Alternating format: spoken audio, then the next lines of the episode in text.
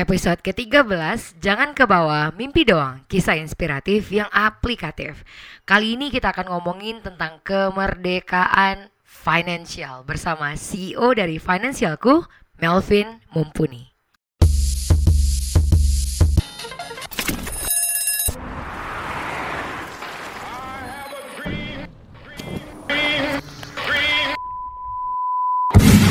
Don't act like you forgot.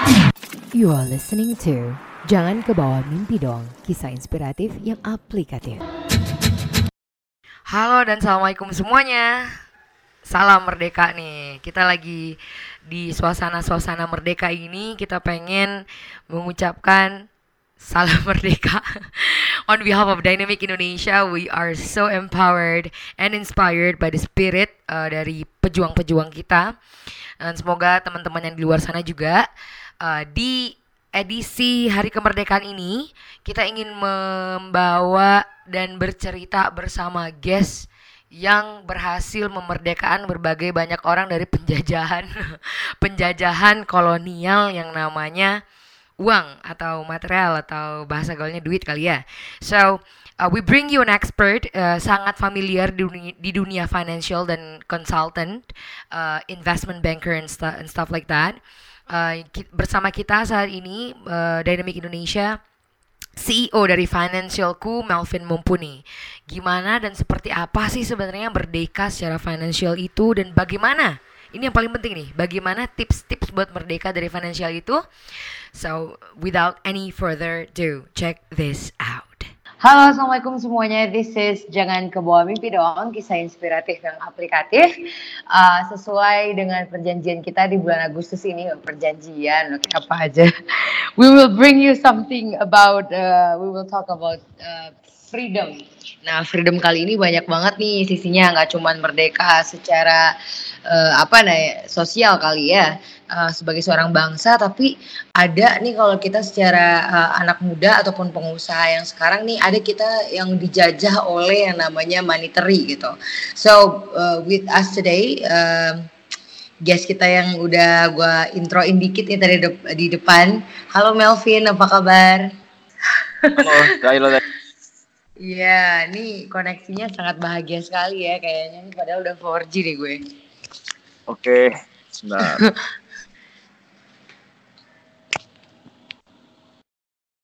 Oke. Okay. Halo, halo Dayang. Hai ya. So, uh, gimana nih Melvin? Apa kabar? Di lagi di mana lo sekarang? Baik baik. Sekarang aku lagi di Jakarta. Uh, pas kebetulan ini banyak acara di Jakarta bulan Juli.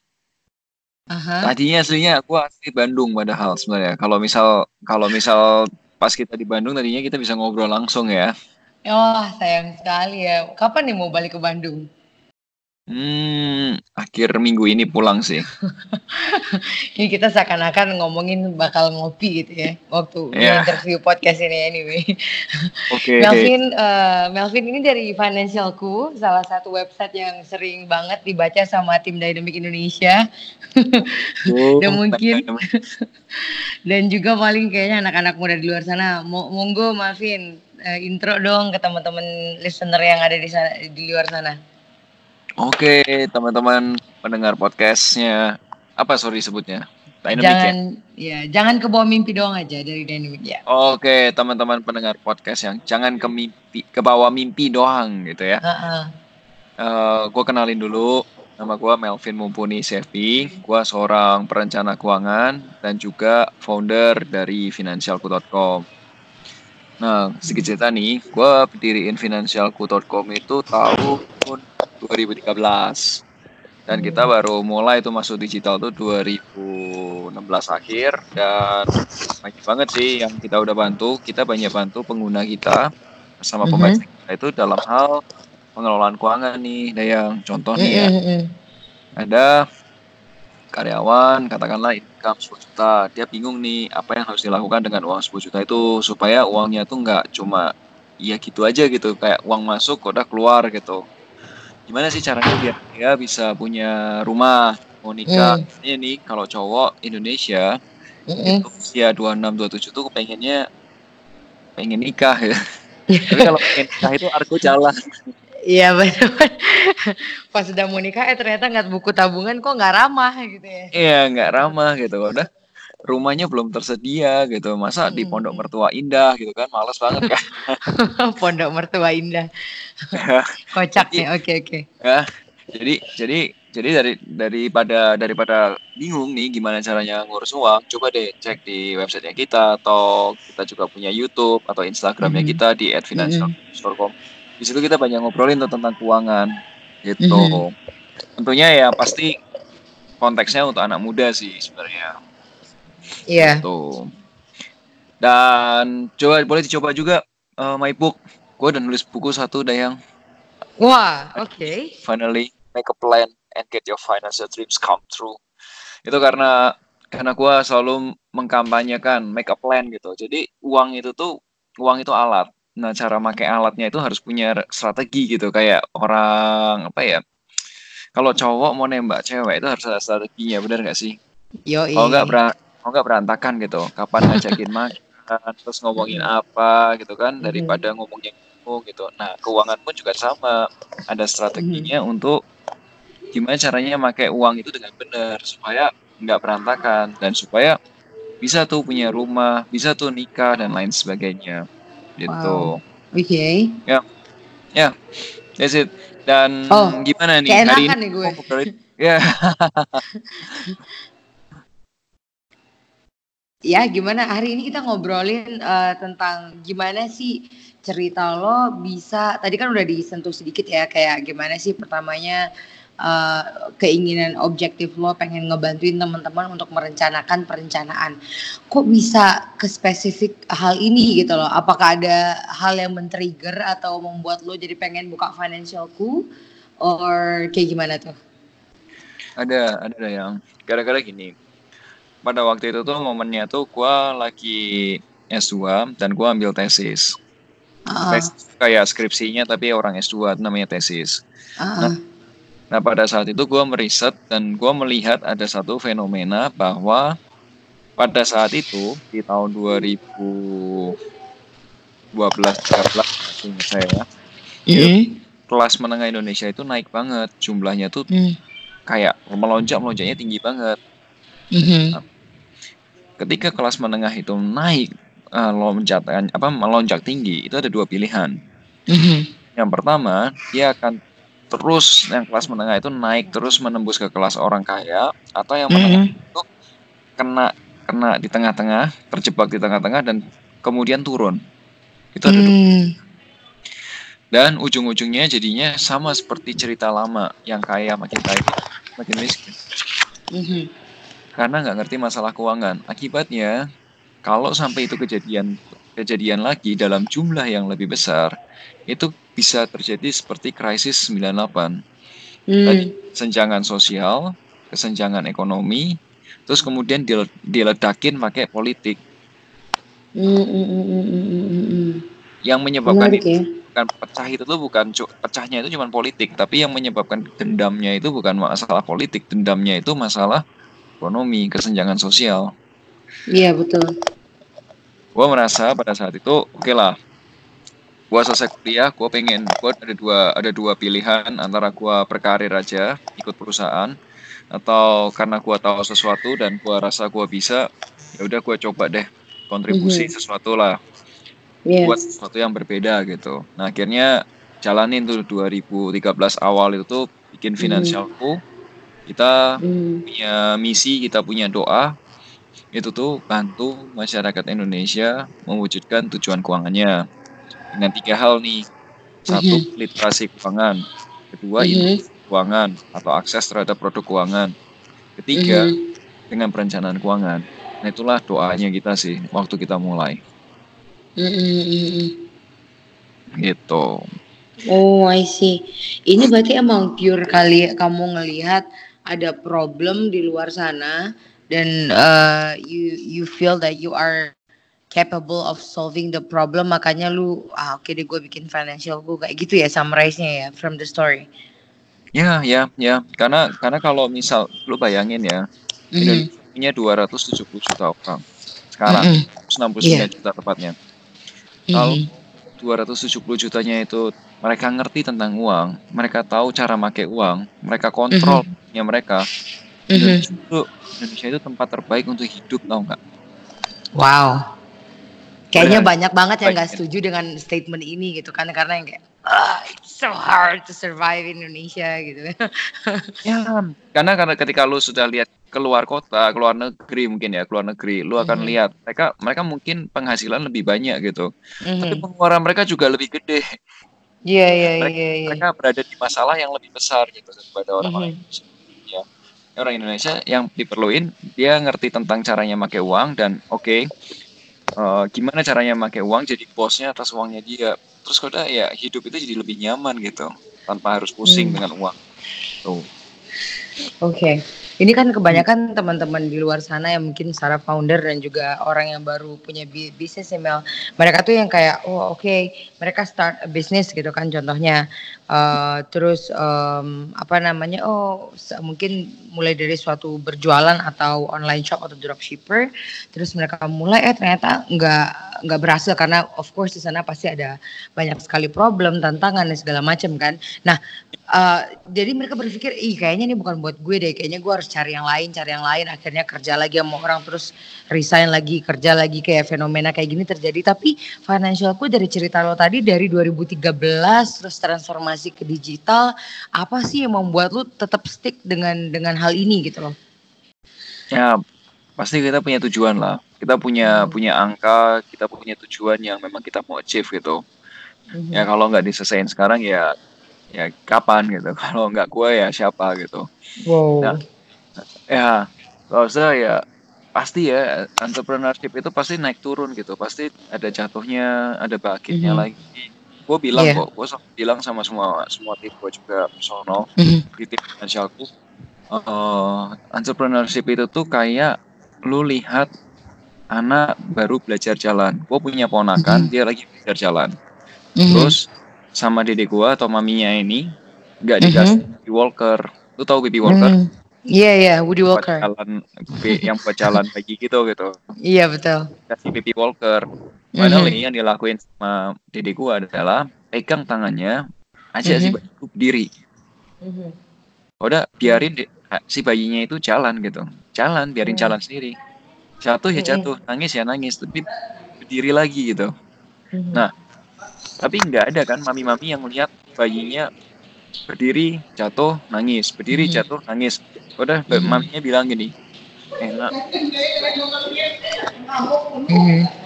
eh dia bilang kayak gini eh, nah kayaknya kamu gak cocok untuk berdiri deh dengan kamu merangkak aja deh seumur hidup kan gak ada yang kayak gitu hmm. kan nah hmm. entrepreneur juga begitu. Halo? Ya entrepreneur hmm. tuh juga masalahnya berdiri jatuh. Hmm. Ya kita ada ada waktu jatuh ya pasti ada nangisnya. Aku udah berdiri lagi. Mm-hmm. sampai satu titik kayak baby kita bisa berdiri lebih lebih lebih stabil kita jalan. Jalan udah bisa jalan dengan lari.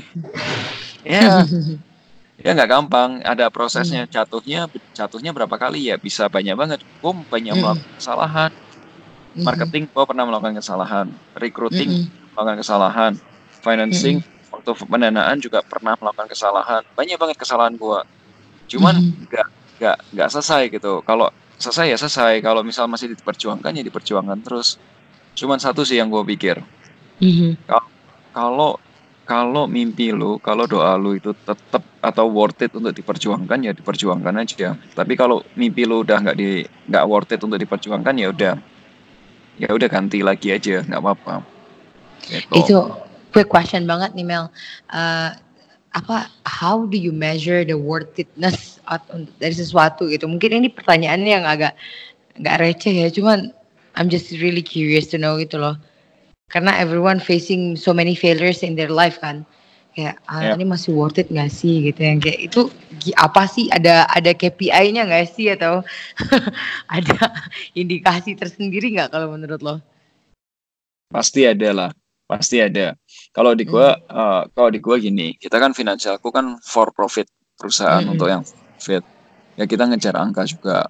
Kedua, hmm. yang yang gua yang gua yang gua mau itu adalah kalau kalau sesuatu yang gua buat ini emang bisa bener works dan banyak masif gitu ya banyak orang Indonesia yang ngerti keuangan generasi mm-hmm. berikutnya generasi berikutnya ini yang yang yang yang luar biasa tau nggak ya anak-anak hmm. gua cucu-cucu gua anak-anak lu cucu-cucu lu itu tentang uang dan dan itu more than ya itu worth it banget lah lu kalau hmm. lihat lihat lihat setelah lu semuanya anak-anak lu cucu-cucu lu semua sejahtera kan ya it's worth it lah. Yang yeah.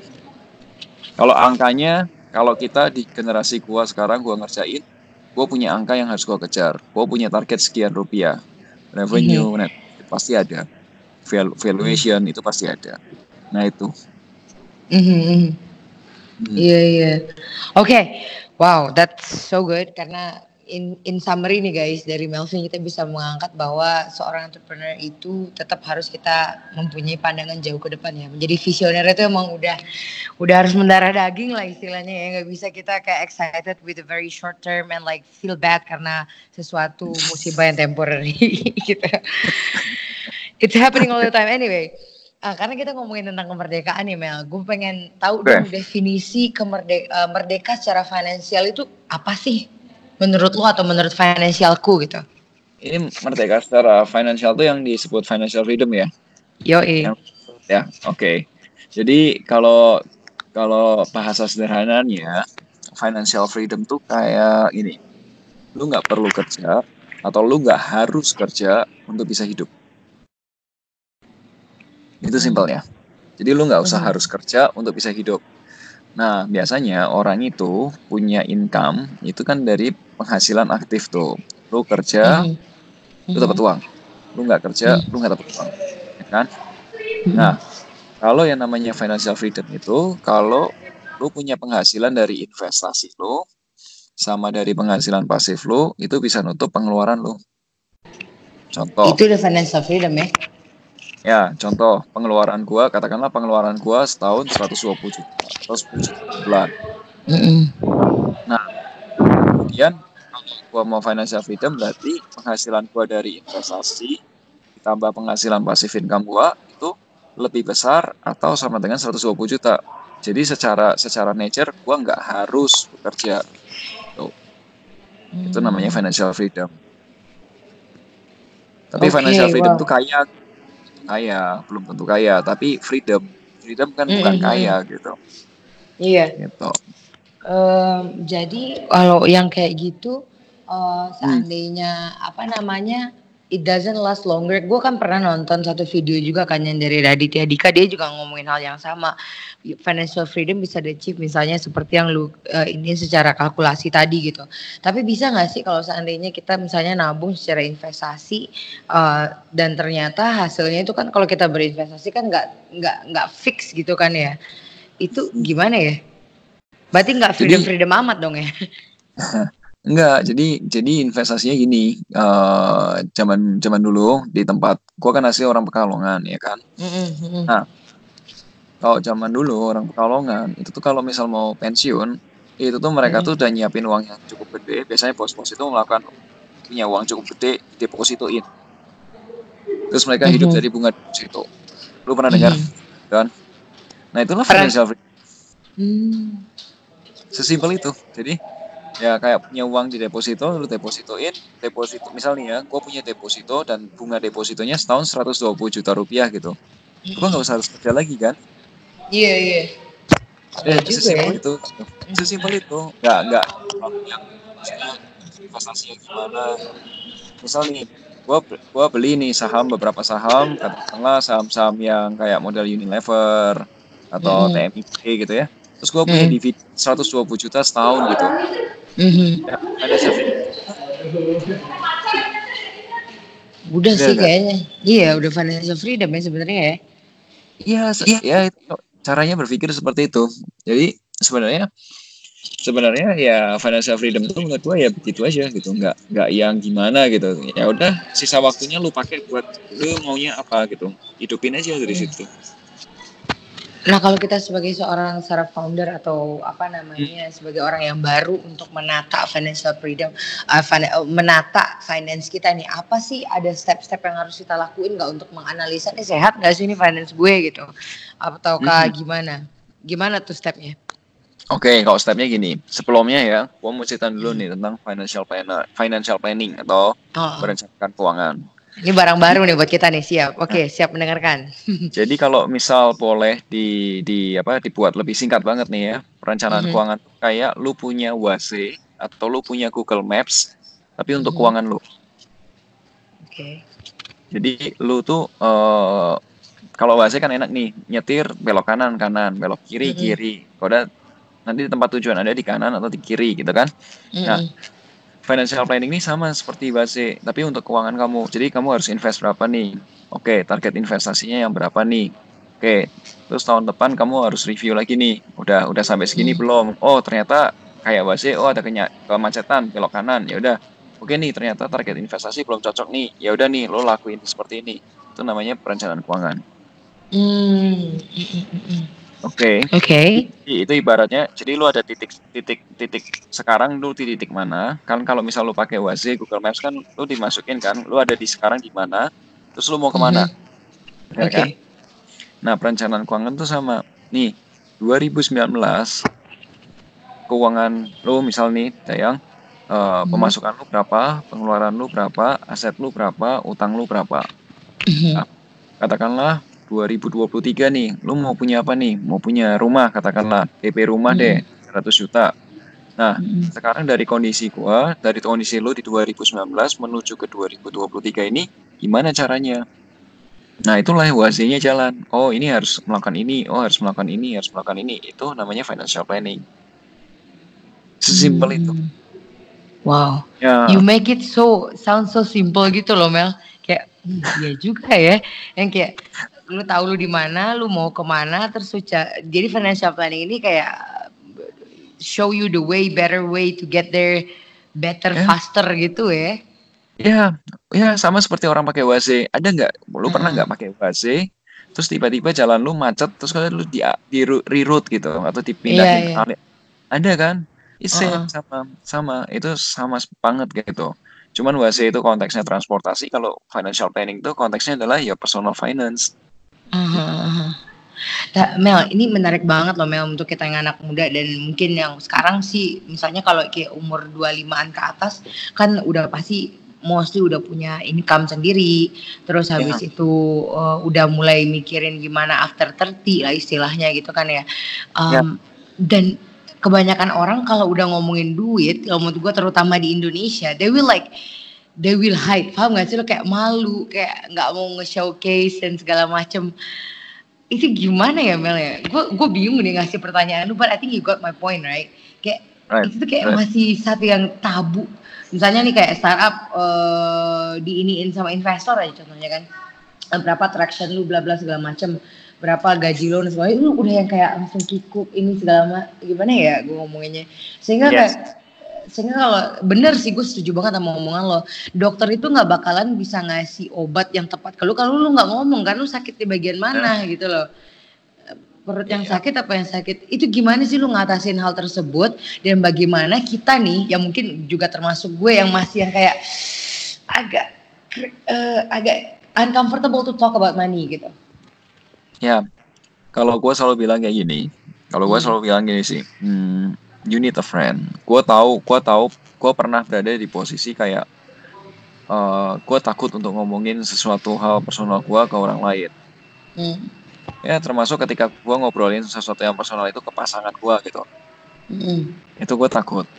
Ada ketakutan-ketakutan seperti itu ngomongin income, ngomongin expense, ngomongin aset. Karena gue berpikir nanti orang lain berpikir seperti apa ya ke gue gitu. Betul. Kalau gue buka data gue gitu tapi hmm. dalam hal ini yang yang yang dilakukan adalah ketika lu bicara sama seorang financial planner, hmm. financial planner itu tuh sama seperti dokter. Kita hmm. kerja itu di bawah kode etik.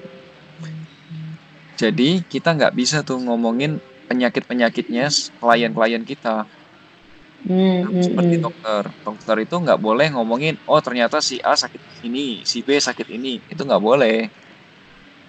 Nah, hmm. kita pun juga sama. Jadi ketika orang sama financial planner, kamu itu hmm. punya teman yang bisa kamu ajak ngobrol tentang keuangan kamu dan teman kamu itu terikat di kode etik tidak boleh ngobrolin orang ke, ke orang lain satu. Nah, yang kedua yang paling penting adalah temen yang kamu ajak ngobrol keuangan ini dia objektif dan dia punya ilmunya, dia punya pengalamannya buat solve your problem. Hmm, Karena kayak okay. gue sebagai seorang financial planner, mm-hmm. gue secara online dan offline ya, apalagi yang online, gue itu sudah menjawab lebih dari seribu pertanyaan. Jadi wow. di app gue itu ada ada ada satu fitur untuk tanya perencana keuangan. Mm-hmm. Nah, gue jawabin itu tuh sudah lebih dari seribu pertanyaan gue jawab, gue pecah rekor gitu. Wow, ya. seribu pertanyaan ya? Ya, tapi dari seribu pertanyaan itu tuh bukan gue yang paling perfect untuk jawab gitu, tapi uh-uh. gue belajar gitu dari setiap kasus yang datang gitu. Nah, itulah okay. kenapa kenapa lu butuh financial planner salah satunya ya karena dia udah udah udah karena dia hidupnya juga ngobatin masalah keuangan banyak banget. Jadi masalah keuangan buat lu sekarang yang jalan buntu gitu ya, udah udah titik hmm. bottom yang paling bawah gitu kan hmm Itu tuh buat financial planner bisa jadi itu bukan masalah yang paling udah bu, bu, bukan bukan dead end lu gitu. Lu masih ada alternatif lain gitu. Cuma kamu nggak lihat dari sudut pandang yang berbeda. Nah, financial planner bantu kamu ngeliatin sudut pandang yang berbeda supaya kamu punya ide yang lain. I see. Wow. Ya, contoh ya, gue mau kasih tahu mm-hmm. simpel nih. Kemarin mm. gue itu naik Grab. Mm-hmm. Nah, ada permainan kalau misal top up sama driver itu driver dapat poin. Mm -hmm. Nah si driver ini ngeluh ngeluh banget sama gua karena kita ngobrol-ngobrol dia tahu gua perencana keuangan juga finally terus dia mm -hmm. ngeluh karena ngejar poinnya itu sulit tapi tapi apa namanya uh, kalau nggak ngejar poin duitnya nggak bonusnya kurang gede kurang nampo mm -hmm. gitu kan mm -hmm. terus gue bilang kenapa nggak lu minta gua aja suruh top up apa ngasih top up tapi kalau yang lain ada yang minta ini nih top up 100 harganya berapa nih? 80 atau 90 ribu tau nggak loh hmm. di diskon jadi iya. bilang guanya nggak punya gitu. Mm ya udah gue bilang gini aja paling gampang. Setiap kali ada yang top up lu kasih air minum aja. Toh di, di tempat taksi lo di taksi online lo tempat ini kan nggak dikasih minum kan? Tapi kan gua aus juga nih. Gue bilang top up kalau bapak top up nih ada minuman nih boleh nih take it free. Ya paling bayar 2000 3000 tapi lu dapat top up 100 ribu dan ya pulang lebih cepat bonus dapat iya iya ya ya buat dia ini buat dia the dead end gitu uh, mm -hmm. poin tapi dengan cara kayak gitu oh ternyata ada cara lain ya uh, udah mm -hmm. bilang uang lo bonus jangan lo habisin mm -hmm. karena karena karena kalau lo yang nyetir terus ya ya lu umur 60 juga udah capek gitu kalau nyetir terus gitu. Betul. Yang mendingan betul. uang uang bonus itu lu invest, jadi lu beliin mobil kedua. Nah nanti kalau cari cari teman yang yang bisa nyetirin, jadi lu punya dua mobil. Mm-hmm. Dari dua mobil jadi nanti dijalanin lagi bisa tiga mobil dan seterusnya. Nah itulah yeah, caranya yeah. kalau uang gitu. ya. Ya dengan cara dengan cara itu jadi tadinya dia udah dead end dan dia happy gitu. Oh ternyata mm-hmm. ngobrol-ngobrol cuma katakanlah 20 menit 30 menit perjalanan di Jakarta. Mm-hmm. Dia punya oh iya punya gue punya sesuatu ya yang yang yang ternyata oh ternyata bisa ya begini ya gitu. Mm. Wow. Gitu tuh. Ya. Ya. Sesimpel itu ya padahal ya maksudnya sometimes karena kita emang karena kita pendem sendiri terus kita nggak dapat perspektif lain sehingga kayaknya everything tuh udah udah doomsday aja udah kiamat aja kayaknya gitu padahal wah, menarik ya. banget sih ini ya apalagi kalau yang anak muda menikah itu paling repot hmm. iya ya biasanya cowoknya ya kan udah gue bilang kan uh, mam kan gini gini gini terus hmm. mami bilang ini kan kamu juga nih yang yang yang nyuruh gini gini jadi berantakan gini gini wah itu ribut kan jadi nah yeah, pada yeah. saat tujuannya tuh untuk cari cari cari ributnya itu tapi ya udah yuk kamu ngomong apa kamu apa ya selesaiin gitu dengerin ya ngobrol okay. tapi ujung-ujungnya kan yang penting beres gitu masalah tapi nggak se nggak serumit itu gitu jadi gini kalau financial planning yang benar financial planning hmm. yang benar itu tuh harusnya membuat kliennya tuh nyaman hmm. itu sama seperti orang diet tapi kalau hmm. dietnya benar hmm. dietnya itu akan menjadi sebuah lifestyle gitu nggak beban mm-hmm. betul jadi si kalau diet benar itu dia nggak perlu cheating day gitu karena dia menikmati tapi kalau misal dietnya nggak benar dia perlu cheating nah financial mm-hmm. planning sama kalau financial planning itu benar bisa membuat nyaman ya nggak perlu cheating lah mm-hmm. jalan kayak gitu ya menarik seperti itu Hmm. Huh, ini ini masih belum dia belum ngasih tips-tips uh, tips-tips cerita yang aneh-aneh loh ya guys. Ini aja ngomongin hal ini udah kayak eureka moment ini udah banyak banget nih. Kalau udah ngomongin uang kayak gini. Thank you banget loh Melvin. So, we, yeah. are, we we still got many questions for you, don't worry. Kalau yeah. ini nih Mel, uh, ceri bisa cerita nggak ke kita apa sih indikasi um, apa namanya we are actually not in a healthy state gitu loh of of money apa sih biasanya oh. kebiasaan-kebiasaan atau apa sih ya gitulah yang kira-kira wah ini kayaknya kalau dilakuin terus-terusan bisa bisa bisa kiamat nih nanti kalau lu punya kebiasaan ini kayak gitu-gitu ada nggak sih Mel? Kebiasaan-kebiasaan buruk mengelola keuangan hmm. banyak lah ya pasti udah hmm. banyak ya ngobrolin sih. Nah kalau menurut gua hitungnya kalau di gua gua bantu sama klien gua kan tadi gua mm. bilang itu GPS kan harus ada titik sekarangnya kan mm -hmm. nah mm -hmm. titik sekarangnya ini gua pakai financial health check up mm -hmm. gitu itu kalau mau coba mm -hmm. itu, uh, kalau misal mau coba itu websitenya cek titik financialku titik com apa titik financialku titik dot com cek cek Oh, titik, cek. Uh-huh. titik com. Hmm. Oke, okay, siap. Gitu. Oh. Gitu. Itu itu bisa tahu itu bisa tahu sakit atau enggak. Oke. Okay. Mm-hmm.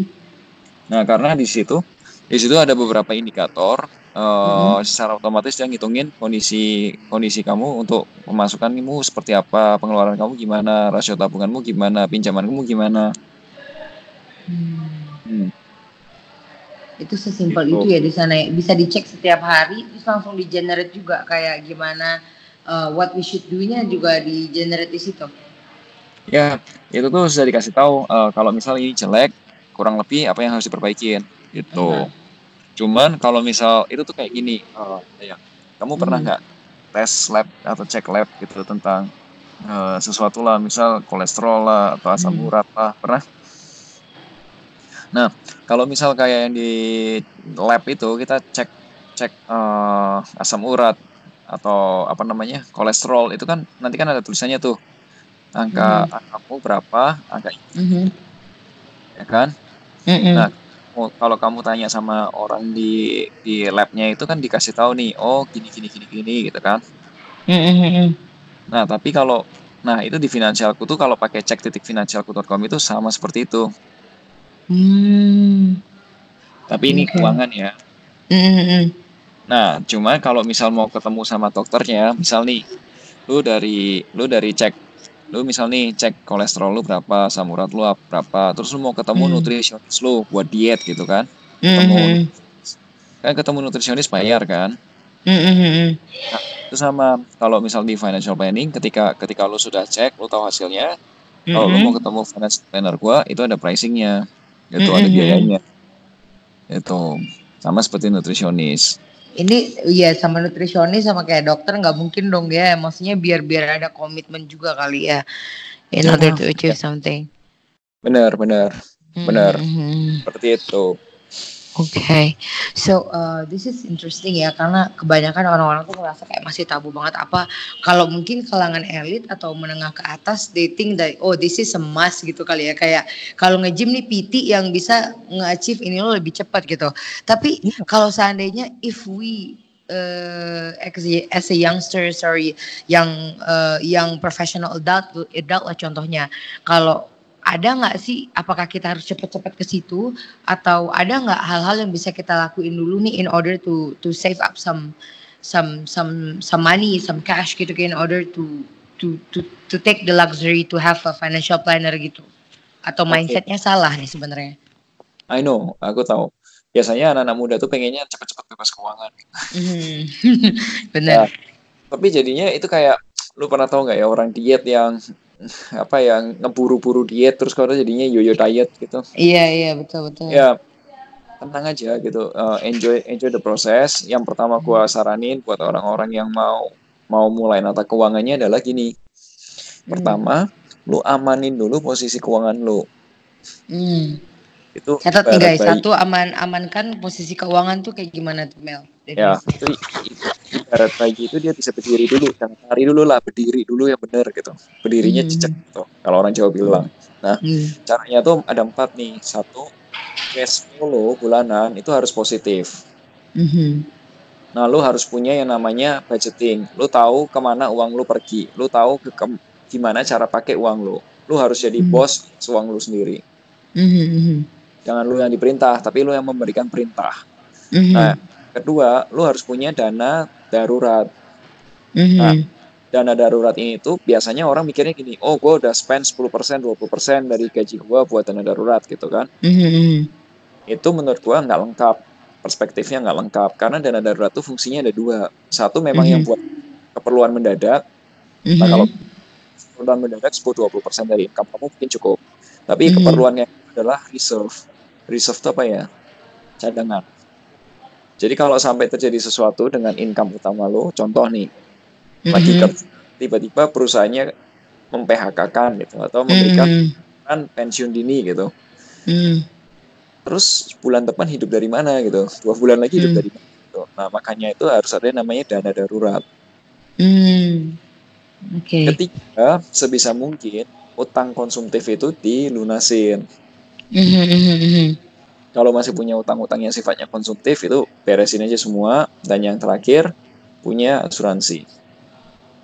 Mm. Asuransi, asuransi itu penting. Ngomongin investasi macam-macam, tapi nggak punya asuransi begitu sakit semua investasinya dijual buat biaya mm-hmm. Nah itu mah bohong. Iya iya iya iya. Penting ya punya asuransi ya. Ya itu itu itu simpelnya empat hal itu membuat seseorang itu nggak nggak jebol aja di keuangan nggak nggak bikin bangkrut aja itu. Mm-hmm. nah, karena emang mm, sakit ya benar oke okay, ya terus?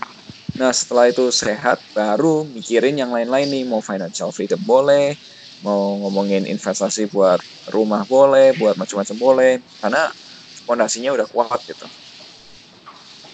Hmm. gitu. Begitu. Oh.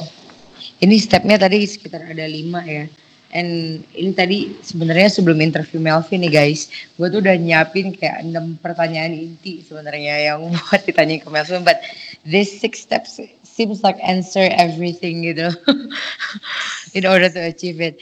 Tapi Mel, kalau seandainya kita sebagai seorang anak muda lagi nih Mel, uh, ngecek kesehatan dan kayak gitu-gitu, gimana ya namanya financial control? Lo ada tips gak sih buat kita? Tadi kan lu ngomong you have to be the boss of your own money gitu kan terus kayak of course we all have incomes from various things apalagi di dunia digital ini kan macam-macam lah pasti income-nya datang gitu ya. tapi um, why some people still have to hustle. Some people still have some very difficult situations to like manage their own money gitu. Lo ada tips nggak sih untuk yang kayak gitu dari dari manage own money sama uh, financial controlnya? Sebenarnya gini, pada dasarnya manusia itu sulit untuk yang namanya disiplin. Mm-hmm. Itu simple. Setiap manusia mm-hmm. termasuk gue juga sulit untuk selalu mendisiplinkan gitu. Mm-hmm. Yang yang bisa disiplin itu just system. Mm. Nah, kalau gue saranin buat orang-orang yang sulit untuk disiplin, tugas mm-hmm. utamanya adalah gini. Kamu bikin sistem yang mempermudah atau membuat semuanya itu otomatis. Contoh, Contoh ya. Pertama, lu bikin dulu namanya budget. Begitu lu terima penghasilan, lu secara mm otomatis katakanlah, misal nih ada orang income 10 juta. Nah, secara otomatis setiap dia terima uang 10 juta itu kan ketahuan tuh tanggal 25 mungkin ya. Nah, kalau kamu pakai uh, semacam internet banking, nah kan bisa diatur tuh tanggal berapa untuk transfer ah. kan. Tahu kan? Iya nah, betul betul. Langsung tuh bikin otomatis, misal katakan transfer 2 juta langsung ke rekening investasi kamu. Hmm. Oke. Okay? Iya iya iya, oke. Okay. Nah, terus kalau sudah buat apa namanya? buat buat donasi gitu. Kalau gua ada hmm. perpuluhan, mm. yaitu transfer langsung ke rekening untuk perpuluhannya. Misal mm. rekening gereja lah atau rekening apa pun lah gitu ya. Mm. Nah, terus kalau sudah ada nggak yang dipakai buat transportasi ini setiap transportasi makan sekarang online kan? Iya, betul ya kan? Nah, kamu budgetin deh, misal katakanlah dari 10 juta tadi udah dipakai katakanlah uh, investasi plus donasi katakanlah 3 juta lah. Berarti sisa mm -hmm. 7 juta gitu kan. Nah, sekarang buat hidup sebulan sebulan itu satu minggu berapa nih? Misal satu minggu buat hidup satu juta, oke? Okay? Nah, katakanlah uh, most atau kebanyakan pengeluaran lo tuh makan dan transportasi itu lewat online gitu. Nah, ya udah transfer aja ke rekening virtual account-nya langsung setiap minggu dijatah nih. lima ratus ribu lima ratus ribu atau enam ratus ribu dijatah aja empat ratus ribu ambil cash. Ya udah seminggu tuh lu habisin aja tuh uang satu juta. Ya, very simple ya. Transfer transfer otomatis aja gitu. Oh oke okay. berarti lu pernah nggak ya uh, apa ya hidup di zaman zaman kayak anak SMA dikasih uh, uang uang saku harian gitu pernah nggak? Uh, iya dong. Lu kan ngabisin uang itu doang kan? Mm -mm misal hari ini dikasih katakanlah sepuluh ribu ya lu habisin sepuluh ribu doang kan? Ya Betul. ya kan? Ya it seems. Jadi minggu ini gue dikasih satu juta dari gue sendiri. Uh, mm misal katakanlah lima ratus ribu atau enam ratus ribu dalam bentuk saldo apa namanya itu si ya saldonya kan ada banyak kan? Sekarang yang online online itu kan mau mm-hmm. mau pakai apa namanya uh, ada OVO, ada GoPay atau Dana, link aja. Nah itu bagi aja tuh, mm-hmm. ya kan? Nah sisanya gue pegang uang cash katakan 400 ribu. Ya udah selama seminggu itu gue habisin tuh semua. Hmm. Tapi Make tapi gue nggak ya. tapi gue nggak tapi gue nggak usah transfer transfer dari yang lain lagi ya jangan cheating ya udah otomatis aja lu nggak usah terus satu lagi gitu udah habisin yeah, itu yeah. tapi ya udah nanti secara mm-hmm. kenapa Enggak, gue tadi kepikiran ada yang nyaranin harus punya banyak akun bank gitu bener gak sih? Ah repot. gitu ya. Ya, kalau gua nggak mau repot. Hmm, Oke, lanjut, lanjut terus. Transfer transfer aja. Mm -mm. Yang banyak, yang malah, yang yang banyak malah ini tau nggak? Account account online gua tuh ada GoPay, ada ada OVO, ada link aja. Nanti ada lagi apa lagi gitu. Banyak banget nanti. Iya iya iya. Itu udah dibagi untuk ke mana, kebutuhan ke mana, kebutuhan ke mana. Oke, okay, ya, siap. Kan, mostly kan pengeluaran dari situ sekarang. Kalau orang-orang di Jakarta khususnya ya. Mm-hmm. Ya jadi pak ya udah masukin aja saldonya ke situ, kau udah belanja aja dari situ. Menarik menarik. So that's uh, actually your financial control ya. Kalau seandainya kayak, yeah. uh lagi pengen banget nih ngejebol aku pengen satu barang kayak gitu, lu ada tips nggak? Nih might be the last question ya for today. Misalnya hmm. aku lo kayak, uh beli kan apalagi cewek ya kayak jangan sengaja pengennya window shopping eh ternyata kok malah jadi shopping beneran ya kayak gitu gitu is there anything we can do about it It's okay sih, maksudnya kalau misal lu mau beli barang yang mahal di luar budget itu pun nggak apa-apa. Jadi lu lu kan punya dana dana uang apa ya, uang yang memang disiapkan gitu. Kalau gua kalau beli barang-barang yang mahal banget, kalau itu nggak butuh kepepet banget, ya mm-hmm. ya gua akan tahan. Gitu gue siapin dulu uangnya baru gue beli oh. gitu. tapi kalau misal itu benar-benar kepepet tiba-tiba nih ya mm-hmm. ini ini musibah sih jadi ini musibah gue waktu itu gue buka ini handphone gue tuh dicasin di rumah makan gitu uh. terus secara nggak sengaja ya kan aku minta tolong di charge deket kasir kan nah terus dia nggak sengaja numpahin kecap asin tapi di tempat colokan colokan baterainya itu tau nggak ketumpahan. Iya iya iya. Terus handphone gue udah nggak bisa di charge lagi. Oh mati lah itu. Gue mau roadshow, udah ketumpahan ketumpahan apa namanya kecap asin gitu kan. Handphone gue di tempat charge-nya udah nggak bisa di charge gitu kan. Wah bahaya banget. Ya udah akhirnya gue harus beli handphone yang mendadak gue perluin gitu dengan spek yang gue perluin gitu. Uh -uh. Nah itu itu gue untungnya punya dana darurat gitu. Tapi kalau gue nggak punya dana darurat, gue ambil cicilan pun it's okay gitu karena gue butuh hmm. dan itu sifatnya mendadak tapi karena gue punya dana darurat ya gue potong dari dana darurat gue ya udah gue hmm. nabung lagi dana darurat gue gitu hmm. tapi misal pun pada saat itu nggak ada uangnya pun pinjem ya it's okay lah hmm. gua. orang gue butuh